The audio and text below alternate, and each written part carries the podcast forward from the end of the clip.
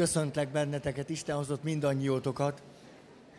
Éppen szügyig taposunk a negativizmus, pessimizmus világában, de tulajdonképpen már túl lendültünk rajta, abból a szempontból, hogy amit és ahogyan beszélünk, azért az már most sokkal izgalmasabb számomra, mint hogy negatív dolgokról essék szó folyton folyvást, de annyi ismétlés mégiscsak, hogy tehát a sémákról beszélünk. Mi az, hogy séma? Gyerekkorban átélt tapasztalatok lenyomatot hagynak bennünk. Ezért a gyerekkorban átélt tapasztalati lenyomatok hatására hiába vagyunk itt és most, 30, 40, 50, 60, 70, 80, 90 plusz évesek, néha egészen kis dolog is elég ahhoz, hogy megint a gyermekkori tapasztalati világ elevenné váljék bennünk, attól függetlenül, hogy itt és most mi van, az nem számít, és megint csak ahogyan érzéseink és gondolataink és emlékeink és a hozzájuk fűződő testi állapotaink megjelennek, és ezeket tapasztaljuk, ezek nem az itt és mostról, nem én rólam szólnak, nem a helyzetről, nem a másikról, nem a kapcsolatról, nem az életről és nem a világról, hanem a sérültségemről. Vagyis arról a sémáról és annak a világáról, amit hordozhatok nagyon-nagyon-nagyon régóta. De hogyha én egy sérültséget azóta hordozok, amióta az eszemet tudom, könnyen gondolhatom azt, hogy az én vagyok. Vagy hogy a világ olyan, vagy hogy te ilyen vagy, és Isten ilyen, és a kapcsolat ilyen, és az összes többi. De hát nagy dolog, amikor valaki rálát a saját sémájára. És azt mondja, hogy na, ez itt egy séma. A negativizmus, pessimizmus sémának a lényege pedig az, de hát ezt már kívülről tudjuk, már úgy unom, hogy egy átható, tartós figyelemmel fixírozom a rosszat, mintha valami szép nő lenne. Úgy bámulom, és semmi másról nem tudom levenni a szemem, csak a csúnyáról, meg a rosszról, mint egy szép nőről. Ez egy elég furcsa képzett társítás volt. A jó dolgokat pedig, a szép élményeket, mindent, mindent kizárok, nem figyelek rá. Vagy pedig, hogy ha történik, akkor azt mondom, ó, csepp a tengerbe. Esetleg, ha már mondjuk tíz perce jól vagyok, a következő gondolat kezd el bennem keringeni. Na, mikor lesz meg ennek a bőjtje? Ismerem én az életet, jóra rossz jön és akkor kialakul egy másodlagos érzés, tulajdonképpen itt és most jól vagyok, ezt meg is állapítom, hogy meglepő módon jól vagyok. Utoljára talán a 90-es évek elején voltam még ilyen jól, de arra már nem nagyon emlékszem, hiszen hát ki emlékszik arra a csip-csup valamire. És most tulajdonképpen kezdek jól lenni, de ahogyan ezt kezdem átélni, jön, emlékeztek, a másodlagos érzelemvilág mert hiába vagyok jó, egyszer csak megjelenik egy gondolat, meddig lesz ez így? A jóra rossz jön. Hmm. Na tessék, ez ugye? A csöndre krákogás és köhögés. Ez kikerülhetetlenül így van, és már alig várom, és miközben tulajdonképpen már most 20 perce vagyok jól, a másodlagos érzelem világ kezd elborítani. Az aggodalom, a félelem, hogy ez nem sokáig fog tartani, és tudjátok, hogy ebben a világban mi következik be, az egészen... Aki ebben van, az... Nem kellenek mindig szavak. Ne várjátok tőlem, hogy minden szavakba tudok foglalni. Ki tud minden szavakba foglalni? Nem, a szavakat arra találták ki, hogy valaki kiabálni, hogy dől a fa, és akkor elállunk onnan. Ez összes többi az már bűvészkedés. Na szóval, mikor valaki már Fél órája jól van. Nagyon brutális annak, aki 20 valahány éve volt rosszul, és kezd egy kicsit szédülni, mintha szerelmes lenne, de nem az, nem, ő, nem, nem. És akkor a következő gondolat jut eszébe. Na ezt most nem mondom, mert ti is biztos tudjátok. Milyen természetes gondolat származik ebből a másodlagos érzelemvilágból, hogyha valakinek egy negativizmus, pessimizmus sémája, mit süt kis szűcs, pessimizmus sémája van, és már 30 perce jól van.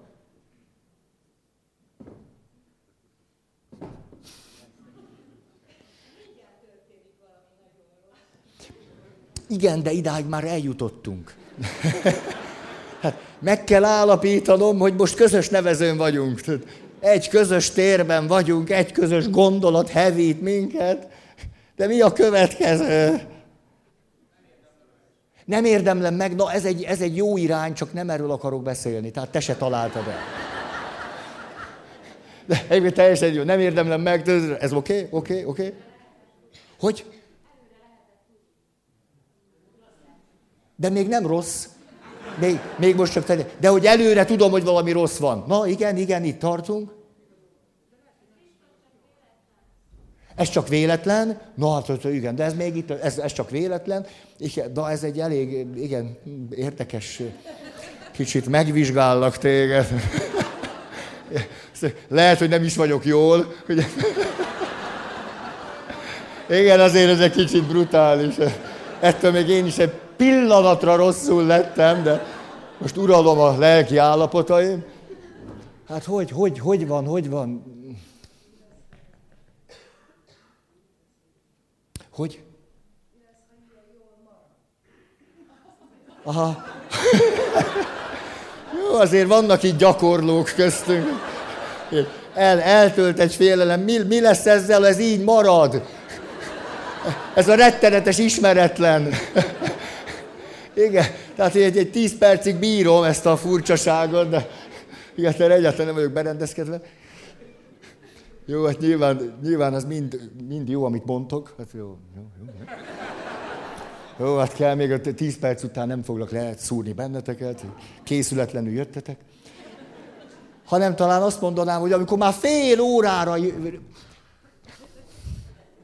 fél órája jó, jó, jó, fél órája jó, akkor az egy folyamat, és azt mondom, te jó ég. És valószínűleg minél nagyobb ez a jó, ez az, annál szörnyűbb dolgok várnak rám. Hát tulajdonképpen egy pont után nem is akarom, hogy még most jó legyen. Mert az élet, hát az élet rossz. Tehát ha most valami hirtelen valami egészen jót ad, akkor sajnos nem fogom kis rosszal megúszni. Ó, tehát látjuk, aki ezzel a sémával él, nem könnyű neki az élet. Mit élet? Hát ez nem is élet. Így jutottunk el oda, most lóugrásokban megyek. Se ló, se ké, tudjátok. Lóugrásokban, ha haladunk, akkor eljutottunk oda, hogy természetesen érnek bennünket rossz dolgok, ez realitás, nem tagadjuk őket. Egy csomó rossz dolog, amikor ér bennünket igazságtalanság, fájdalom, és, és, és, és, és, akkor két lehetőségünk van. Vagy elégtétet teszünk, bosszút állunk, önmagunkat tönkretesszük, önsorsontó magatartás, vagy örök lázadók leszünk, örök szenvedők leszünk, vagy valami ilyesmi.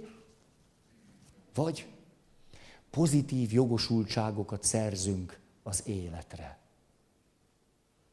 Erről voltunk vagy 30 pontot, nagyon izgalmas, de ennek a lényege, hogy nem annak a logikáját követni, emlékeztek, hogy én is kaptam, én is adtam.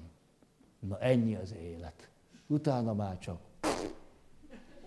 a rög, az hull a koporsó fedélre.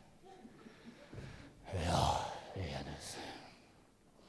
Tehát ezt fölülmúljuk, és akkor az történik, hogy azt mondjuk, pozitív jogosultságokat akarok szerezni. És ezáltal erősítem meg magamat a létezésben. Mert ha valaki rosszat kap, és ebből kiindulva romboló, tomboló módon a jogosultságait beváltja, annak mindig van egy igazságos, meg egy igazságtalan része.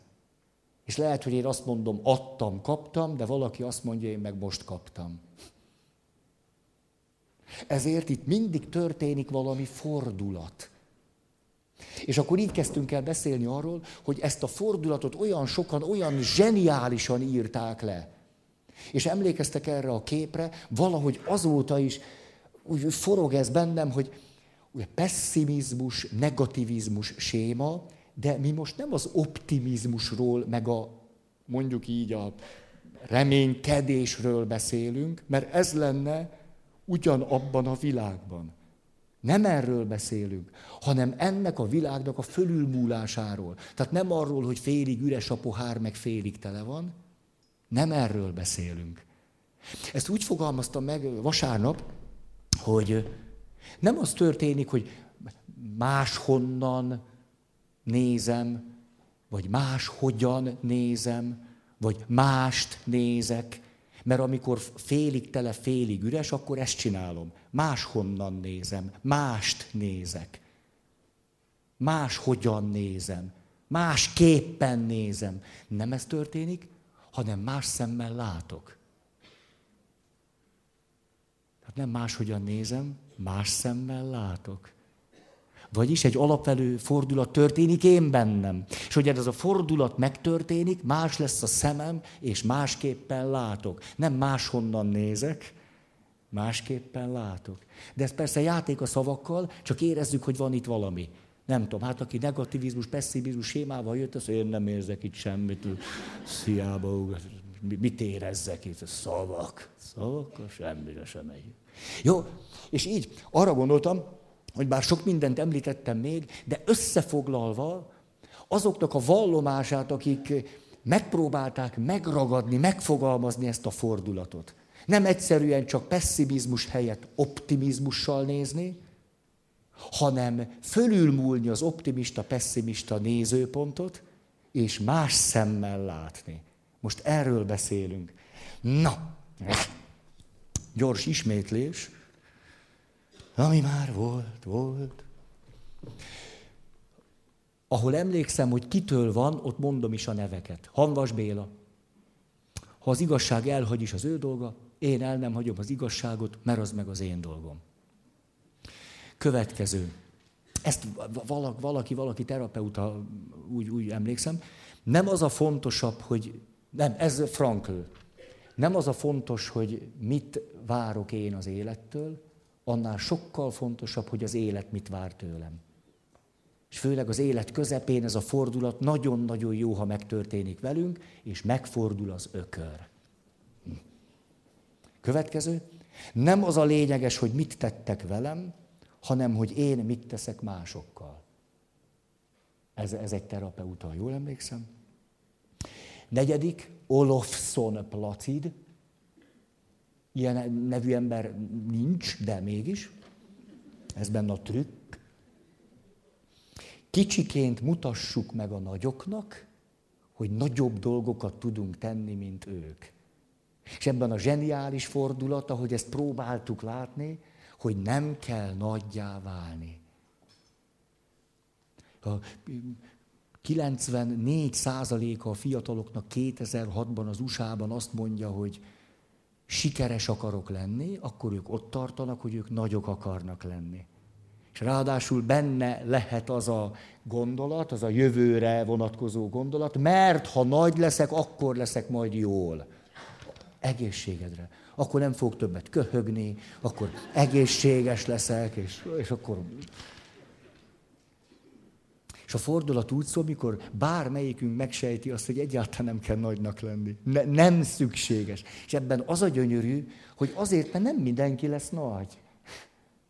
Hát sem a siker, sem az, hogy valaki nagy lesz valahogy, vagy valamitől, vagy valamiért, az nincs a kezünkben. Ezért egy olyan életcélt kitűzni, hogy sikeresnek lenni, meg nagynak, hát a nagyobb része nincs a kezemben nem egy túl jó életcél, olyasmire törekedni, amit én a magam erejéből még Istennel se tudok megcsinálni. Mert vagy így lesz, vagy nem. Na de, na de, kicsiként nagy dolgokat tenni, hát ez, arra mindenki képes. Kicsiként nagy dolgot. Tudjátok, a hős, a hős leírása. Megint nem akarom ezt mondani. Ugye a közkeletű téveszme, a hős az a nagy ember, aki nagy dolgot tesz, és közben nem. A hős nem egy rendkívüli ember, aki nagy dolgot tesz, hanem egy átlag ember, aki rendkívüli dolgot tesz. Ugye ez a következő gondolat. Szociálpszichológia. Mondjátok a nevet. Philip Zimbardo. Nem a rendkívüli emberek tesznek rendkívüli dolgokat.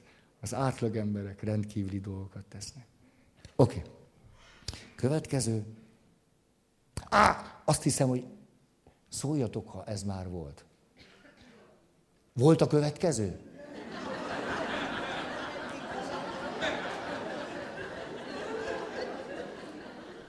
Érzek valami rezgést. Ki tudná elmondani a következő pontot? Ötös pont. Nem az az érdekes, hogy a jó emberekkel miért történnek rossz dolgok. Ez volt már? Nem. Na. Ha senki nem emlékszik arra, amit beszél, nem az az érdekes, hogy jó emberekkel miért történnek rossz dolgok, hanem hogy amikor jó emberekkel rossz dolgok történnek, miért maradnak jók. Nem az az érdekes, hogy igaz emberekkel miért történhetnek meg embertelenségek és gazemberségek. Hanem amikor egy igaz emberrel embertelenség és gazemberség történik, miért marad meg igaznak? Ez az igazán, igazán, igazán izgalmas kérdés. Annyira bennem van, az egyszer jött hozzám valaki, és azt mondja, hogy élete nagy könyvélménye volt, az a mű, aminek ez volt a címe, hogy amikor jó dolgok történnek, rossz nem. Rossz dolgok történnek jó emberekkel. Ez, hú, na ez, ez valaki mondja meg. Szent Lajos király hídja. Akkor, tudja, én, én nem tudom, én nem bírtam elolvasni. Egyszer ne, ne, nem bírok elolvasni egy tézis regényt, ami arról szól, hogy végül is hogy magyarázzuk meg, hogy miért kellett annak a rossznak ővele megtörténni. Én ezt egyszer nem bírom elviselni. De jó, ha nektek tetszett. Tehát Nem is, nekem se tetszett. Te végigolvastad. Na, annyi volt a különbség, hogy az elején tudtam, hogy nem fogom tudni, hogy ez miről szól. Illetve elkezdtem gyanítani, hogy ez valami olyasmiről szól, amiről szerintem nem szól az élet. Hát mikor így kitalálom, hogy ő neki pont azért kellett hogy azon a híron lennie, mert pont... De miután nem olvastam el, tulajdonképpen nem tudom, miért van róla véleményem. Főleg ennyire megalapozatlan. Kétségkívül egy szilárdan megalapozatlan véleményem van erről a műről, amit nem olvastam el. Szóval, na akkor idehozok valamit, ami talán most ide, ide jön. Hogy az igazi, az igazi nagy létkérdésekre nincsen válasz. Ha ezt folytatom, az igazi létkérdésekre van válasz, csak nem szavakban. Az igazi nagy létkérdésekre tettekben és személyek által van válasz, sohasem szavakban. A szavak legfőjebb azt teszik, hogy valamit, ahogyan válasz volt nekem egy kérdésre, az, ahogy valaki mellém állt, vagy a kórházban meglátogatott, vagy a bajban fölhívhattam, vagy a rettenetben megfogta a kezem, hogy ezt aztán később valahogyan szavakba öntöm. De nem a szó a válasz, hanem ahogyan te tettél és cselekedtél értem, az a válasz. Az, az élet igazi mély kérdéseire van válasz, de sosem szavakban. Ezért, amikor valaki a nagy létkérdésekre választ akar adni szavakban, ez nekem mindig, de mindig ijesztő. Főleg akkor, hogyha az a valaki, aki a kérdést fölteszi, bajban van akkor még ijesztőbb. Egy bajban lévő embernek szavakat mondani, cselekvés vagy a személyem átadása vagy a jelenlét helyett számomra nagyon-nagyon ijesztő. Ez nem jelenti azt, hogy ne próbálhatnénk esetleg szavakkal valamit megfogni abból, ami nem szó. De azt magyarázni, meg értelmezni, hogy nem tudom ti, hogy, hogy vagytok azzal, valaki megkérdezné tőletek, hogy a papként ezt én nem tudom megúszni, hogy valaki ne jöjjön oda, és nem mondja meg, hogy atya, miért halnak meg kicsi gyerekek? Miért hal meg valaki a születés után két nappal, nincs semmi, ami miatt? Hát ha én erre elkezdenék válaszolni, el, minél többet beszélnék, annál rosszabbul lennék. Egészen ijesztőnek tartom, mikor minket papokat elfog valami görcsös igyekezet, hogy Istent megvédjük. Mert nekünk nem az a dolgunk, hogy Istent megvédjük, hanem hogy titeket. Isten nem kérte tőlünk, hogy őt védjük meg. Ezt gyönyörűnek tartom. Ezért nem kell Isten mellé állnunk, mert ő meg tudja magát védeni. És, hanem az a gyönyörűség történik, hogy ha egymás mellé állunk, na abból egyszer csak megszülethet valami. Tehát az igazi nagy létkérdésekre én szerintem nincs szavakban válasz. Legfőjebb olyan lehet, hogy valamit megértem már az életemben, és olvasok valamit, és egy gondolat valahogyan kifejezi ezt az élményemet, amit átéltem, amikor te segítettél nekem. Vagy olyan nem hagytál magamra, vagy elérhető voltál, vagy rám néztél. És ez, ez valahogy azt kifejezi. Ezt én gyönyörűnek tartom, mert valahogy az is benne van, hogy ezért nem is adható szavakban. Tehát muszáj csinálni valamit. Ezt gyönyörű szépnek tartom, ugye? Na. Kár Gustav Jungnak a válasza ugyanerre a fordulatra, hogy nem optimistának lenni, hanem valahogy felülmúlni mindezt, hogy pessimizmus, optimizmus, ő pedig azt mondja, a kínzó kérdéseinket, amik igazán kínzó kérdések, az életünkbe belemarkoló kínzó kérdések, azokat nem megválaszoljuk, hanem kinőjük. Hogy létezik fejlődés, de nem úgy, ahogy a naívan gondolt, hogy van egy nehézség, és akkor megküzdök vele. Nem így. Hanem fölülmúlom a saját kérdésem, túlhaladom, és kinövöm a saját kérdésem. Már nem lesz érdekes nekem a kérdés. Ezt is fölemelőnek tartom, hogy már nem érdekes ez a kérdés. A lelki atyám hányszor mondta ezt, mikor üdvösségről, meg a mennyországról kérdezték, hogy azonnal hagyjátok abba. Mit tudom én, hogy van? Hát most mit képzeltek rólam? Voltam már ott. Honnan tudjam, hogy hogy lesz? Ebben csak az az ijesztőbb, amikor valaki tudja, hogy hogy lesz, és a másik el is hiszi neki. Hű, na az, az ijesztő. És közben mind a ketten jól vannak. Hát ezt a jól létet nem kérem, köszönöm szépen. Tehát a következő, ez a Jungnak, ahogy a fordulatot leírja, hogy nem, nem, nem, nem, hanem, hanem. Na, szerintem ez így jó. Tehát nem megválaszoljuk ezeket a kérdéseket, hanem kinőjük őket. Meghaladjuk és túlhaladjuk őket. Hmm. Azért nézek rátok, elkezdtem azon ötletelni, hogy, hogy eszetekbe jutnak-e az életetekből ilyen fordulatok, ahogyan egy saját kérdést túlhaladtatok, vagy meghaladtatok. Hát. Mondok egy kínzó állapotot, ez fönt van a listán, amit én tőletek tanultam. Ez nem Carl Gustav Jung, meg nem Verena Kast, sőt, még csak nem is Böszörményi Nagy Iván, hanem egy, egy nő köztetek, akiben megtörtént egy fordulat, nem az, hogy máshonnan nézett, hanem más szemmel látott, és ő azt mondta, 30 évet éltem úgy abban a félelemben, rettegésben, hogy a pasi hozza a boldogságot. Rájöttem, hogy a boldogság hozza a pasit. Ez azt jelenti, hogy ő más szemmel lát már. Nem máshonnan néz. Ha máshonnan néz, akkor mi történik? Akkor azt mondja, hogy nem is vagyok olyan reménytelen eset. Tulajdonképpen eddig gyerekkoromból azt hozom, hogy én nem vagyok szép, de most nézem máshonnan, hát itt tulajdonképpen oldalról, ugye a legvékonyabb részem nézem, nem is annyira ciki. Mert ez a máshonnan. Apám mindig te nem bír semmit megcsinálni. De most kétség kívül vettem egy amó szappant az azurban. Képes vagyok egy szappant megvenni. És most, hogy itt megállok, látom, hogy ezt meg tudtam csinálni.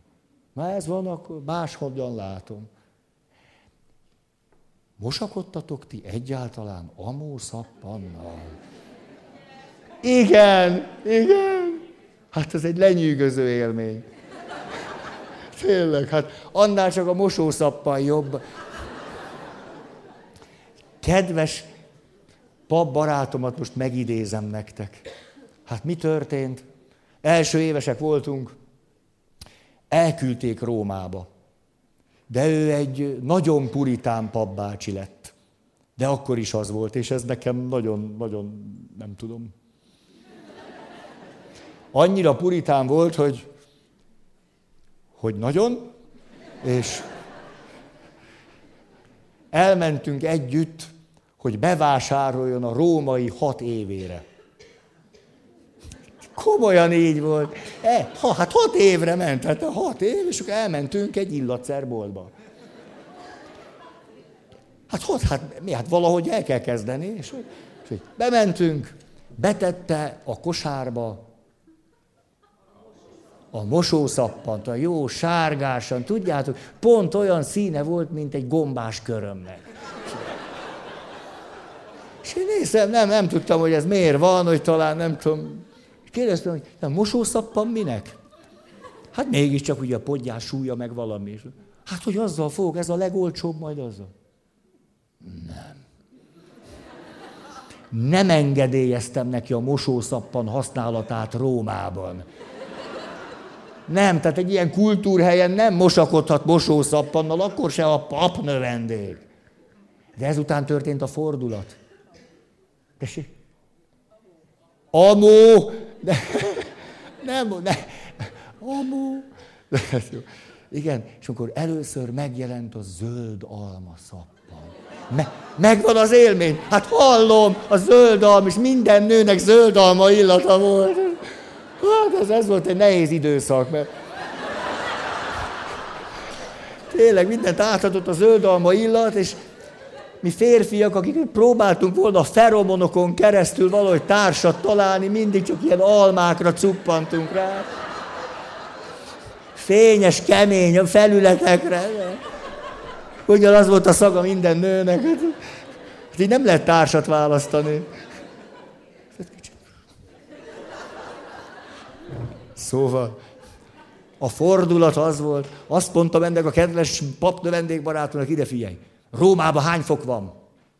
Egy, egy, egy, nagyon, egy nagyon okos fiú volt, tehát valahogy gondoltam egy ilyen lépésről lépésre való szillogisztikus gondolat fonállal próbálom valahogy a józan eszét megragadni. Hány fok szokott lenni Rómában? Hát 10-15 fokkal meg. Hány fok az, mondjuk, mondjuk vizsgai időszak, amikor te papi civilbe ott állsz, zakó, öltöny, be, hány fok van? 35-40, akkor dezodort is rakjál be. És így gondoskodtam az én nagyszerű pap növendék barátomról. No, hát nekem nem vettünk semmit. De nekem volt, én, én nekem a fehér nemük között volt az amósappan. De, de, dehogy is gondoljátok. De? Úgy nézek én ki, mint hogy becsúsztat egy szappant a gatyája közé. De most volt még egy fajta szappan, az a kék. Mi volt az? Melyik? De ez már egy ember mondja, össze vagyok zavarodva. Nem. Atlantik! Hát, hogy ezt a szót 25 éve nem mondtam ki, neked megvan az Atlanti. Hát azért közelharc ment. Hát azért az Atlantik az egy fokkal jobb volt, mint az Amó. Ugye? Az... Hullám alakú, így, így. Ezt a kórust, hullám alakú volt az a... De tényleg az volt, hogy mentem Kievbe, ukrán fedett pályás bajnokság. Tudjátok, mekkora ázsiója volt az Atlantik szappannak? Fú, az Atlantik szappanér hihetetlen szovjet csodákat lehetett beszerezni. Le, komolyan? Komolyan? Csak már nem emlékszem semmire, hogy Na, 50 felé még. A történetnek már nem hogy vége legyen, csak úgy elkezdem. De mi történt velem néhány nappal ezelőtt? Beszélgetek valakivel, és valahogy erről, hogy feledékenység, nem feledékenység. Mondom, de nekem a feledékenység a legjobb történet, hogy most mit akarok mondani? Ne, inni akarok, mert akkor az mindig visszahozza. Hogy, mm, mm, mm. Feledékenység. Feledékenységről a legmegrendítőbb történetem, Hatodéves papnövendékek voltunk. Van egy nagyon okos fiú köztünk, már doktorált háromszor Rómába, meg tanított Afrikába, az egyetemen, meg Indiába, meg... Na, ő történt, hogy első beszédét megtartott az egyetemi templomba. Az az komoly dolog, ugye minden, mindenhol ilyen puttók, meg angyalok leselkednek a szegény papnövendékekre. Hát ez nagyon ijesztő. Tehát egy, egy, egy, egy, barokk templomban nem, nem, nem tudom, jól érzitek magatokat? De akárhova nézem, minden... Nem tudom, ennek... De nem csak ez az ijesztő, hogy mindegyik, hogy... Tehát a legváratlanabb helyekről néznek rád. Nem ez a legijesztőbb, hát nekem nem ez a legijesztőbb hanem hogy tulajdonképpen úgy, úgy valahol végük van. Tehát olyan váratlanul fejeződnek be. Tehát ott a fej, akkor a nyak, ott még ez, van egy szárnya, akkor, hát erre nem tudok más mondani, mint egy propaganda művészet. Tehát, hogy mindennek van elejed, a hátulja, az már nem számít. Olyan, mint a szocializmus. Na jó. Jó. Ott áll a hatodéves paptövennék az összes eszével együtt, és mondja, hogy a beszéd van, ezt a papírt nem visz föl, ő hülye vagy, hat nyelven beszél. Mondja, mondja, mondja. Egyszer csak, mert hogy mégis csak egy beszédbe kell egy jó történet. Mondja a történetet. Ott ministráltam, és történet, nem rossz, nem rossz, nem rossz. És akkor egyszer csak ott vagyunk a csattanónál, és már mindenki elfelejtette a csattanót. A csattanót elfelejtette a történetbe, és nem is jutott neki eszébe. És, de ez a szegény, de te, hát tényleg így volt. Így, így. Hát szegény, nem szegény, csak feledékeny. És elfelejtett, és annyira bántotta, hogy az áldás előtt azt mondja, testvérek, végig azon imádkoztam, hogy jusson eszembe a csata. Nem, egyszer nem dobta ki a tudattalan egy picit se. Nem tudom elmondani. Hát esetleg, ha vasárnap jöttök, akkor keressetek meg hogy leírom egy papírra, előveszem. Na de nem ez a történet, hanem az, hogy valakivel beszélgetve ezt elmondtam, hogy rá elsápadt, azt mondja, te velem ugyanezt történt. Hogy tanítottam, és akkor mondtam, na, most ide pont jó lesz egy történet, és belekezd, és ő mondta, jó, de mi a vége, mi a vége? És akkor mondtam, hogy 20 kopasz kukac megy a sivatagba, 21 kopasz kukac, és érezte, hogy ebben sehova sem megyünk. Na, találjunk vissza a komoly témákhoz. Feleim.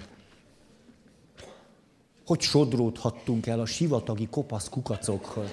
Egy, egy ilyen, ilyen komoly műsoron van nál. Hát már mondom, hogy szavakkal nincs igazi válasz a nagy kérdésekre. Jó. Jó, tehát onnan ágaztam el, már most tudom, tük, tük, tük, visszafejtettem a fonalat, és Tézeusz, hogy nagyon-nagyon mozog ez bennem, próbálom érzékeltetni még egyszer, ugye, hogy Krisztus nézzük a kereszten, és hogy milyen azt, ha optimistán nézzük. És annyira foglalkoztat ez, hogy azt mondjuk, ó, legalább nem szenvedett sokat. Tényleg ezt mondhatjuk, ugye hamar meghalt, de azért meg is lepődtek, hogy ilyen, ilyen hamar meghalt. Legalább az édesanyja ott volt, na legalább a János ott volt, na legalább nem kellett teljesen magányosan. Na. Hmm. Itt mennyire nem arról van szó, hogy valamit optimistán látok, vagy azt mondom, hogy tele van a pohár, hanem hogy valamit egészen más szemmel látok. Ez. Így jön akkor a következő, hogy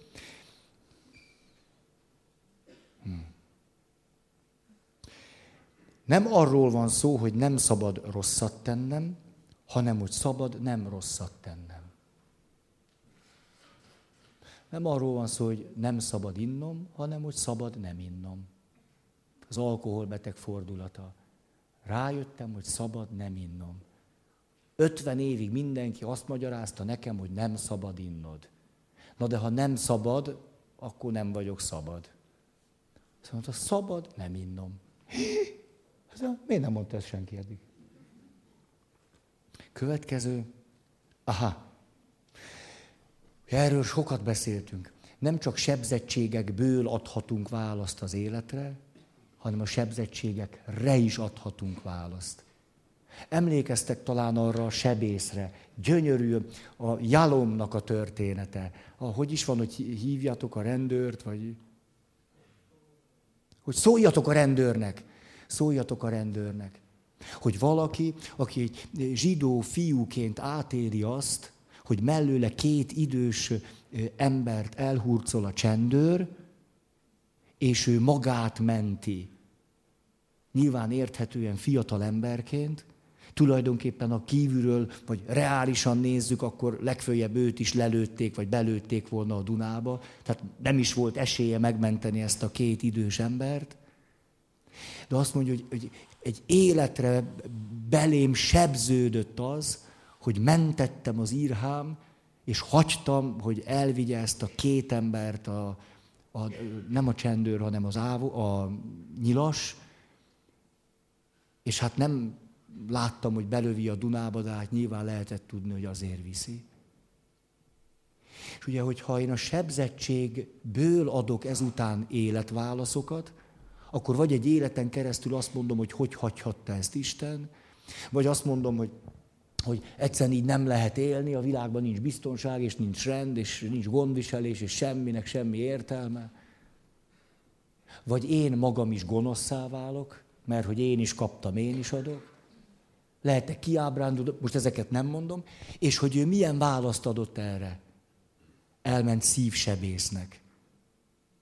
És tulajdonképpen újból és újból döntött élet és halál fölött. Tulajdonképpen újból és újból több mint 50 éven keresztül megismételte azt az eseményt, amiben megsérült. És újból és újból fölülmúlta a saját sérültségét azzal, hogy azt az embert is megmentette, és azt is, és azt is. És az Örvin Jalom pedig azt mondja, hogy annyira zseniális szívsebész volt, hogy egymás után hozta be az orvoslásba a legzseniálisabb új gyógymódokat, sebészeti eljárásokat, eszközöket, ezeket fejlesztettek, és azt ment a, a világban mindenfelé, és tanította ezt. És tulajdonképpen nem jött rá, hogy ezt miért csinálja. Azt mondta a barátjának, hogy 70 valány évesen, hogy egész megdöbbentő, de tulajdonképpen igazán mindig műtét közben éreztem jól magam. Akkor éreztem, hogy na most csinálok valamit.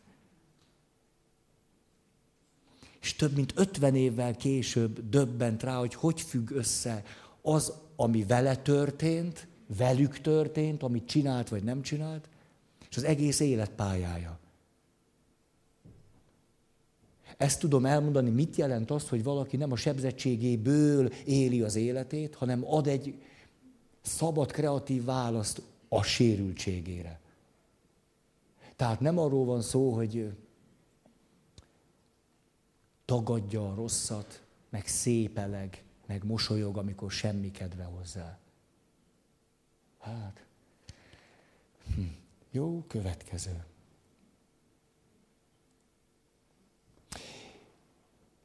Milyen hálás voltam Sándor Györgynek. Emlékeztek, itt volt egy évvel ezelőtt. Azt tudjátok, hogy Sándor György dadog? Dadog. És dadogó emberként színész lett. És hogyha ha valami érzelmileg nagyon-nagyon megrendítően érinti őt, akkor most is dadog. Bizonyos szempontból például az ő egész életútja válasz a dadogásra. Kiállok emberek elé, bármelyik pillanatban erőt vehet rajtam a dadogás. Bármikor nem uralom, nem uralom. És hogyha az előadás közben valami nagyon megérinti, akkor most is kifejezési nehézségei vannak. Ugye, Kossuth Díjas nemzetszínésze. Milyen az, amikor valaki választod egy sebzettségre? Ha. Következő. Aha. Dalai Láma válasza. Ő azt mondja, az emberiségnek összesen két problémája van. Ez olyan jó hír. Nekünk, akiknek van olyan két és fél. Az egyik, nem tartjuk valóságnak azt, ami az. A másik valóságnak tartjuk azt, ami nem az. Ennél több bajunk nincs. Az amerikai terapeuta meg azt mondta, az összes kliensemben egy közös vonást látok, sebzett viszonyt a realitáshoz. Nietzsének a válasza ugyanerre, hogy ő ezt a fordulatot hogy fogalmazza meg, ő azt mondja, hogy a legtöbb ember a saját korlátait a világ határainak tartja. Nincs különbségtétel. Megvan bennem, hogy 15 vagy 16 éves voltam, mentem a, a Margit hídon, Margit sziget, és úgy hirtelen egy színházi előadás után voltam, és úgy hirtelen az jutott eszembe, hogy na hát most én gondolok valamit erről a darabról, és azt gondolom, hogy így, úgy, és lehet, hogy jön mögöttem valaki, aki szintén ott volt, és kétszer annyit ért ebből a darabból, mint én. És hirtelen úgy, úgy beleborsóztam ebbe, hogy én most azt gondolom, hogy látom és értem és tudom, és valakinek elmondanám, hogy te mennyi mindent nem látsz. Valahogy beleborsóztam ebbe, hogy te jó ég, hogy nem is látom a határaimat. Szóval sétálgassatok a Margit hídon, ilyesmik ott tudnak történni. Következő, a kedvenceim egyike. Fila Béla, dogmatika professzor. Egy éve halt meg körülbelül. Ennek semmi köze ehhez, amit mond, de így, így van. Hat fél év dogmatika. Tudjátok mi az, hogy dogmatika? Hit igazságtan. Mondjuk a katolikus egyházban van belőle néhány. Van néhány hitigasságunk. Hat fél éven keresztül mondta a hitigasságokat, és mondta, és, és meg kellett tanulni egy csomó mindent. Hatodik fél év vége, utolsó előadás. Akkor már ötödik év végén vagyunk, néhány hét múlva diákonussá szentelnek, és azt gondoljuk, hogy na, na, na, na. Megállt, ilyen őszhaja volt, ilyen pici, szívbeteg ember volt, pacemakerrel, elég halkan beszélt, hogy még éljen. Tényleg, és ügyesen csináltam, még élt húsz évet utána. Tehát érdemes halkan beszélni, majd én sem rátérek. És akkor azt mondja, hogy hát most, hogy utolsó előadáshoz elérkeztünk, olyan három év dogmatika tanulását, tulajdonképpen ez a teológiának a szíve, lelke. Most szeretném önöknek elmondani, hogy én egyetlen hitigasságba se hiszek.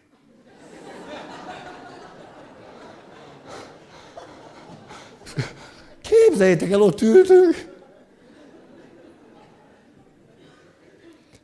Hát, volt, aki dobott egy hátas, mások egymásra néztek, volt, aki gyorsan lejegyzetelte, ugye a jó kislány, ugye, mert anélkül jegyzetelt, hogy gondolkozott volna, csak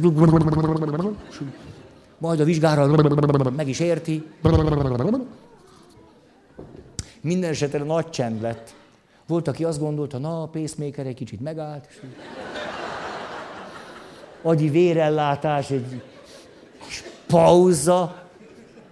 De nem ez történt, mert ugyanúgy fény lett a fehér haja. Azt mondja, kedves növendékek, ha maguk nem tudják értelmezni ezt a mondatomat, miután én maguknak hat fél éven keresztül beszéltem, az az én kudarcom. Mindenki besunnyadt a padba nem akartuk megvántani a ősz galab lelkű tanárunkat, de nem értettük, amit mond. És akkor azt mondja, hát három évig mondtam és mondtam és mondtam, hát csak megértették, amiről beszéltem. Hogy mi nem hitigasságokban hiszünk, hanem abban, amit egy hitigasság ki akar fejezni.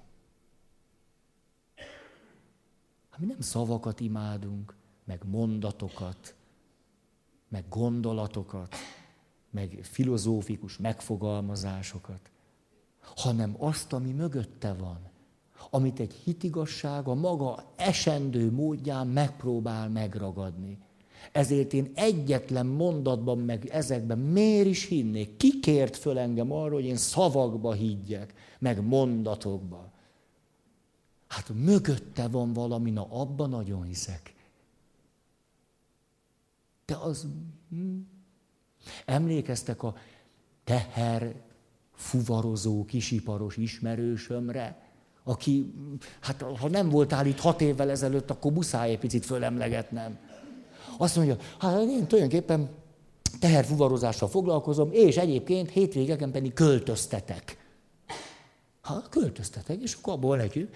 Azt mondja, na de a költöztetés az egy igazi, nagyon-nagyon fontos szolgálat. Hm. Hm.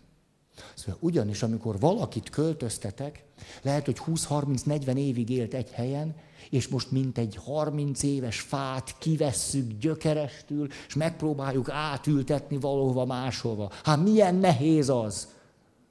Ez az ember egy nagyon egyszerű ember volt. Azt mondja, hát milyen nehéz úgy, és akkor rám nézett, és látszott, hogy eltölti őt a büszkeség, hogy ő van az ifával. Ha ez mond nektek valaki, tudta az amószappant, az ifát is tudja. Hogy, és az a büszkeség, hogy rám nézett. És tudod, ebben a nehéz helyzetben, ahogyan ő éppen az életében egy óriásit vált innen oda, mi vagyunk ott. Ez micsoda zseniális. Mi vagyunk ott. Ezért most kicsit belelkesedtem, hogy én vagyok ott, mikor ő költözik. És ezért, mikor a böhöm nagy, háromajtós, mit? Szekrény. Na látszik, hogy tudjátok, nem kellnek szavak, de, és akkor tudjuk, hogy szekrény. Böhm, három ajtós, magas fényű, irgalmatlanul megfoghatatlan szekrényt. Fölvisszük hárman hevederrel lerakjuk, akkor azt gondoljuk vége, de mikor a következő irgalmatlan nagy négy ajtós leraktuk, akkor azt mondja tudod, hogy ne haragudjon Jóska, most ahogy nézem, nem áll olyan jól itt ez a három ajtós szekrény, vigye át a másik szobába, és akkor a négy ajtós meg hozza ide. Na ilyenkor a munkatársaim egymásra néznek, és én tudom, hogy nagyon csúnyákat mondanak magukban. És akkor, mikor a tulaj nem hallja, oda szoktam hozzájuk fordulni, mondta, és azt mondja, ide figyeljetek. Hát mi vagyunk velük ebben a rendkívüli élethelyzetben. Micsoda nagy segítség nekik, amikor mi onnan ide, innen oda visszük. Hát ti nem tudjátok, hogy nem a számít, ami itt van, hanem a möge. A möge. Hát én ennél zseniálisabb szót nem tudom, hogy életemben hallottam-e. A möge. Amikor mentálhigiénés szakembereknek beszélek a mentálhigiénéről, ezt a történetet szoktam elmondani. Ő egy mentálhigiénés teherszállító kisiparos.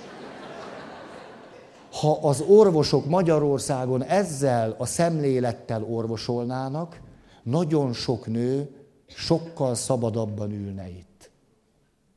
Nem olyan sérülésekkel, fájdalmakkal, szégyenkezéssel, megaláztatással, ahogyan egy orvos tud valakivel bánni. Ennek a terszállító fuvarosnak kéne odaadni. Ugye? Mert ő látja, hogy mi a möge. Ott állt a galambőző Filabéla teológiai professzor, és akkor azt mondta, hogy hát a mögébe hiszek én. Hát itt egy Isten, meg három személy, ez mi? A möge, na az igen.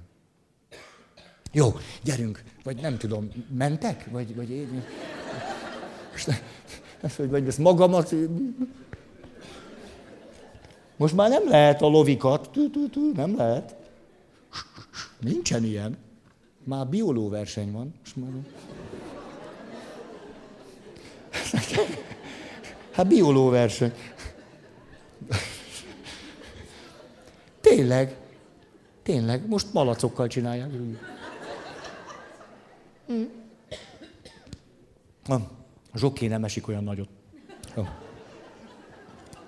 Tényleg. Meg a csípőt is úgy nyújtja. Szülés előtt nem rossz az.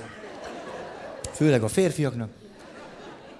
Ott tartunk tehát, ez nem, ez nem volt a törzsanyag része. Hát ez, ebből nem lesz ZH. Tehát ha való. Következő. Hát ezt emlegettük, emlékeztek, John Payne kapcsán. Nem tudjuk ki az a John Payne, de írt egy könyvet, és akkor emiatt már tudjuk. Ő az, az ő kapcsán fogalmaztunk így, nem a gyerekkel van a baj, hanem a baj van a gyerekkel. Ne, nem a gyerekkel van a baj, hanem a baj oda szegődött a gyerek mellé. Ehhez ez egy valódi fordulat. Más szemmel nézem az otthoni történéseket. A gyerekemmel nincsen baj, hanem a baj társult a gyerekemhez. De milyen jó pofán. Igen, ma délelőtt is azt gondoltam, hogy nők nélkül sokkal sanyarúbb lenne a világ. És most megerősödtem ebben a hipotézisemben. Következő. Igen, lehet, hogy valami nem válasz egy kérdésre, de válasz az életre. Ez ugyanaz, amit egy órával ezelőtt kavartunk. Nem válasz a kérdésre, de válasz az életre. Jó, megyek tovább. Nem, nem, nem, nem, nem, nem. Pimpi, pimpi, pimpi, pim. Mo, mo, mo, mo, mo, mo, mo. Mama, mama, na, mama, azt nem, mégiscsak nem. Jó.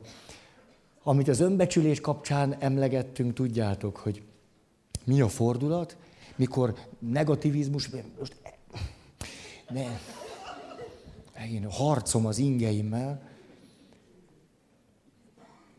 mert nem longított az a baj. Ha longított lenne, nem volna ilyen. Tessék? Slankított, longított, az, az, az volna itt a helyén való. Hát tudom én, csak ugye az erre, hogy héten vettem egy amószappant, hogy szédülök azóta, hogy nem bírok slankított, longított. De hol tartok? Aha, az önbecsülés kapcsán emlékeztek, hogy, hogy onnan indulunk nagyon sokan, ha nincsen önbecsülés, hogy nem bízok magamban, hát ez egy alapkijelentés, ha nincs önbecsülés, negatív pessimizmus, nem bízok magamban, és ennek kapcsán a bennem lévő narrátornak, vőfének az összes szövegét elhiszem. Mindent, amit mond nekem. Ugye ezt nem kell, nem kell mondani, hogy megy bennem a monológ. De ezt már hát ezt nem, nem. Most is voltam esküvőn, eskedtem. Szóval úgy, azért úgy, úgy, úgy ott álltam. Az szép. Szép. Igen. Sudár mennyasszony. Mostanában elmondtam az alapélményemet? Van két alapélményem, ezt elmondom akkor. Ha együtt eskedtem valakivel. Ott állt a mennyasszony a vőlegény. De a mostanában mondtam, szóljatok. Hát, azt mondja, itt van egy gyönyörű sudár mennyasszony, és mellette áll egy nyalánk vőlegény. De hogy ki?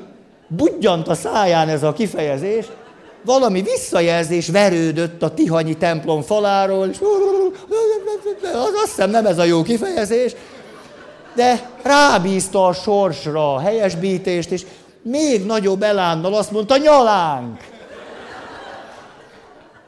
Továbbra is érezte a tihanyi vízhangként visszaverődő realitásnak a hullámait az agyában fodrozódni, de nem ezt keltette benne a legnagyobb hatást, hanem az elpiruló menyasszony orcája. Ahogy kétszer is elhangzott a nyalánk vőlegény kifejezés. Így aztán fölhagyott a további kísérletezéssel, és inkább az esketése koncentrált. Végül, most megyek egy kört, eltelt egy óra, vége lett az órának, azt mondja, Jaj, hát kedves fiatalok, mert tudom, tudom, hogy nem, nem, nyalánk, hát hova tettem az eszem, hát ezt nem tudta senki, de őség. Hát nyalka. Kétség kívül más szó. Más. nyalánk, nyalka, hogy mondjam, hogy sok, sok, hát sok cukorral elmegy, de azért mégse ugyanaz. Na, másik alapélményem, a papi lélek jelenlét. Esküvő? Első esküvője ebben a vidéki templomban, mindenki a régi atyát sírja vissza. Hát ez így szokott lenni. Hát már ahol ott olyan mások, hát vagy sírnak, vagy imádkoznak.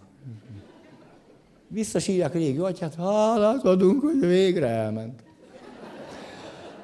Na és ő jött, de ő sajnos egy nehéz helyre került, mert ott egy jó fejatyja volt, aki aztán... Pú, na, emberek meg tömegestül utálták. Őt keres ez itt, nem a mi jó papunk. És érezte ezt a negativizmus, pessimizmus aurát. És ott az esküvőn egyszer csak húzta volna föl a vőlekény a mennyasszony ujjára a gyűrűt, ám de a gyűrű elgurult. Kiesett a kezébe. Nyilván gyorsan próbálták menteni a helyzetet, néztek körbe, gyűrű sehol. Akkor vőlegény is elkezdte nézni, pap is elkezdte nézni. Mennyasszony még kitartott. Az ő esküvőjén ilyen nem történik.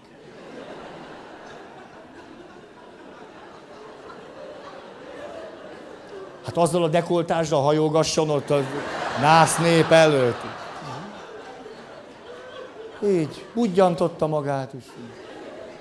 Hát, de aztán a gyűrű meg csak nem lett. És hogy mégis csak egy vidéki tradicionális közeg, az, hogy gyűrű nélkül befejezni a szertartást, nem jelent jót. Ugye, negativizmus, pessimizmus. Ugye, képzeljétek el, a férfin van gyűrű, úgyhogy neki ma annyi, ha, megy azt, hogy Na hát akkor egyszer csak akkor tanúk is elkezdték keresni. Aztán az első sorból az emberek is, az, nem, nem értenek hozzá, hogy megtaláljuk. Addig-addig keresték, hogy nem találták. Egyszer csak a pap észrevette megcsillanni a gyűrűt. Hogy? Ja, de... De,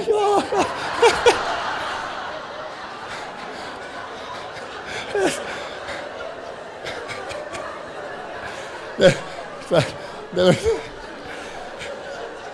ez egy fordulatos lenne, nem tudom, hallottátok? Ezt a, a, de, de nem, a, a, az arcodat nem tudom, hogy próbálom. A dekoltásba! Nem. Hát, nem. De ha már így jártunk, mit gondoltok, hol volt a gyűrű? Hol? Szoknyája alatt. Hát most kezdek azért már egy kicsit. Hova kerültem? Szoknyája alatt. Ja, hogy így, hát így, így, és nagy abroncsal el, elfette a gyűrűt, és senki nem mert alábújni. Ez lehetséges tulajdonképpen. Egyébként Készítek el, ez megtörtént. Szent Király templom, jöttem ki az esküvőről, át a nagy abrocsba, át hatalmas abroncsot. Egy kis koszorús lány, három éves. Puff, ez... Hát, eh, a kívülről látja, de mi, mi az a sok minden ott alatta? Hát ezt nem mondta neki senki. És azt gondolta, hát, hogy fölkérték, hogy koszorús lány legyen, csak van joga egy kicsit ott ismerkedni ezzel az esettel. De akárkinek nem, de vitte szépen a konfettit, elszórta, most meg... Na, hol volt? Hát én nem én tudom, hol tartunk, hol volt a gyűrű? Ja, ti is ezt kérdez. A papon? Ne, ne, tudom, hogy most hülyéskedek, de nem hallottam jól. A papruháján.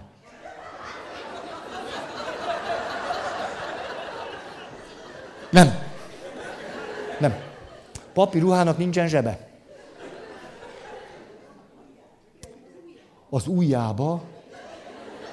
Kinek az ujjába? Hogy a menyasszony ú...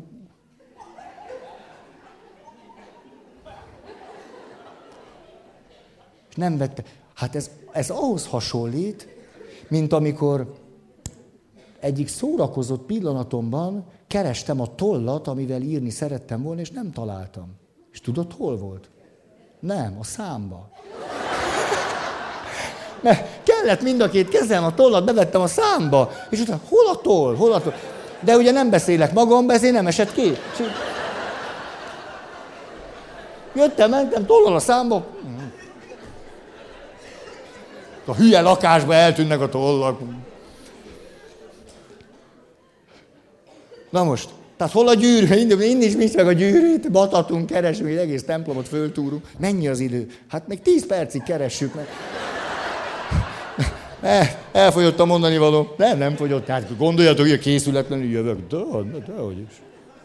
Szó sem. Hogy? Na, ez, ez, ez jó, jó. Mennyasszonyi csokorba pottyant. Nem. De ez, ez az eredeti. Hát nem, meleg, ez, ez... Hideg-meleg. Langyos. Tessék? A szarka elvitte. Ez egy ilyen történelmi figy nem? Hát akkor elmondom. Bár nem voltam ott, de magától a paptól hallottam. A papa következőt mondta. Álljanak meg emberek! Hittem, testvérek, itt már csak Isten segíthet. És arra kérek mindenkit, üljenek le a templompadba, imádkozzunk, hogy legyen meg a gyűrű. A helyzetnek az volt a pikantériája, hogy ő tudta, hogy hol van. A nép azonban nem. Imádkozt. Minden bevetettek, már esni kezdett az eső. Volt, aki sutyomba, ugye nagy asszály volt, akkor emberek gyógyultak meg, de gyűrű meg sehol. Látni való volt értelme ennek a papi szónak. És hát mi történt? A pap észrevette, hogy, és azért mondhatjuk, hogy langyos, langyos, meleg, hogy? Jaj, nem rakta el, nem, nem, nem, nem, nem. Leesett a gyűrű, de a vőlegénynek ilyen fölhajtott volt a nadrága ebbe a hajtásba beleesett a gyűrű, és hát értitek, de megcsillant egy pillanatra, és ezt észrevettem. Na, imádkozott az egész templom, soha ilyen buzgón nem. Hát persze már Pécsi gyors ment, a... nem akarták lekésni. És akkor egyszer csak azt, stop! Tudom, hol van. Gondolhatják, az egész nász népnek az összes szája kinyílt, és a pap, mint hogyha a Szentlélek vezérelni, oda... Ja!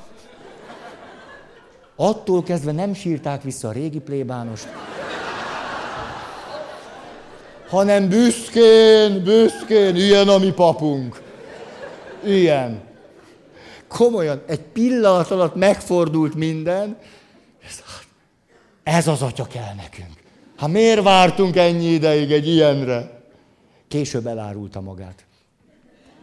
Elmondta. Na most. Aha. A végére hagytam pont nem véletlen ez a spirituális szál, hogy emlékeztek a Mária és Márta történet, amit annyit emlegetek, mert oly, oly, oly. Na, na, az nem egy.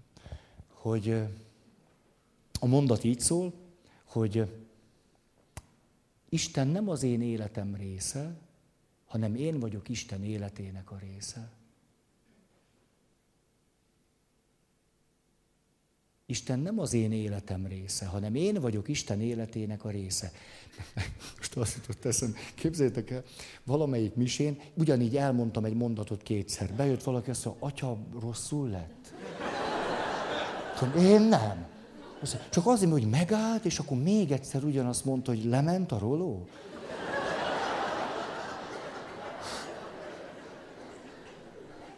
Nesze neked hatásszünet. Szóval emlékeztem, hogy ezt már elmondtam egyszer. Ezt azért tartom nagyon frappáns megragadásának valaminek, amire azt mondhatjuk, hogy ez valaminek a möge. Mert ebben az van benne, hogy amíg én vagyok a középpont, most egy pici szólok hozzá három szót, amíg én vagyok a középpontban, addig Isten az én életem része, akkor én vagyok a főnök, magamhoz rendelten látom őt. Ez pedig teljesen irreális. De ha én magamhoz rendelten látom Istent, akkor én jó szándékkal, becsülettel, a bizalmammal, a hitemmel eldöntöm, hogy Istennek milyennek kéne lennie. Hogy miben kéne segíteni, hogy hogy kellene jót tennie, hogy kellene a világon egy kicsit igazítani, egy kicsit slankítani itt, ott, longítani ott, itt. Hát én ezt akkor pontosan tudom, mert hát én látom, hogy hol az ínség, azt nem tudom, Isten miért nem látja. Ezért mindaddig, ameddig valaki az Istennel való kapcsolatát úgy képzeli el, hogy Isten az ő életének a része, törvényszerűen érthetetlen helyzetekben fogjuk találni magunkat. Nem értjük, most mit csinál Isten? Hát mi, mi, miért nem csinál már valamit? Hát hogy hagyhatja ezt? És amikor más szemmel látok, akkor fedezem föl, hogy ez pont fordítva van. Nem Isten az életem része, én vagyok az ő életének a része. És ez az, amire ott a Szentírásban Jézus azt mondja, hogy na, aki ezt így látja, ezt a látásmódot, és mindazt, amit ez a látásmód közvetít, ami a möge, nem veszti el soha. Na ez elveszíthetetlen. Ha azt gondolom, Isten az életem rész, és imádkozom, hogy így legyen és úgy legyen, akkor állandóan veszteségeim lesznek. Mert nem lesz úgy. Másképp lesz máshogy lesz, és a többi. Tehát persze, láthatom úgy, hogy Isten az életem része, de akkor ez egy nagyon korlátolt látásmód. Ha azt mondom, ne, én vagyok Isten életének a része, kicsit tágabb. Következő. Hm. Éppen ma mondta valaki azt, hogy Na, Feri, ez érdekes volt, egyszer hallottam tőled, hogy megint csak a naivitás, emlékeztek itt az 500. alkalommal rohangáztam, hogy oh, vannak céljaink, és megyünk, és legfeljebb az akadályokat legyűrjük, és akkor, és akkor itt vagyunk. Na hát, hogy ez mennyire nem így van. És hogy az első naivitásunk az úgy szól, hogy megy nekem egyedül is. Már az élet. Vagy van, hőr nem menne, ó, vagyok én olyan legény. Hol vagyok én olyan tűzről pattant? Hát és akkor jönnek az első kudarcok, vereségek, ö, ö, ö, első bukásaim. Hát ez bizony nekem nem megy. Ilyenkor történhet egy fordulat, a fordulat így szól, ú, nem megy, de talán Istennel igen. Éppen egy megtérés élményben is lehet ez a tapasztalatom, hogy na, Isten nélkül éltem, és akkor azt éltem meg, hogy ez sem ment, és az se, és most valahogy ebben a megtérés élményemben, a lelkesültségben úgy látom, hogy na egészen másképpen nézek most. Hát hiszen Istennel megy. Isten nélkül nem, Istennel igen. De törvényszerűen ezt is kinövöm. Mert ha elég tisztességes vagyok, papként is azt tudom mondani, hogy nekem Istennel együtt sem megy. Sok minden nem megy Istennel együtt se. Pedig nagyon szeretném. És nem megy. Se egyedül nem megy, se Istennel nem megy. Ha becsületes vagyok, ezt kell mondanom. Ha, ha Istennel menne, akkor a gyóntató székeket szépen eltüzelhetnénk. Hát akkor minek az? Istennel nem megy, Istennel megy. Hogy van itt a fordulat? Arra jutottam, hogy jaj, jaj, Feri, Feri, jaj. Hát éppen erről van szó, hogy nekem nem megy Istennel se. Istennek viszont megy velem. Hát ha nekem sorba kellett volna állni ott, hogy kitartja magát alkalmasnak papnak, hát én biztos nem állok be a sorba. Hát azóta is ez bizonyosodik be.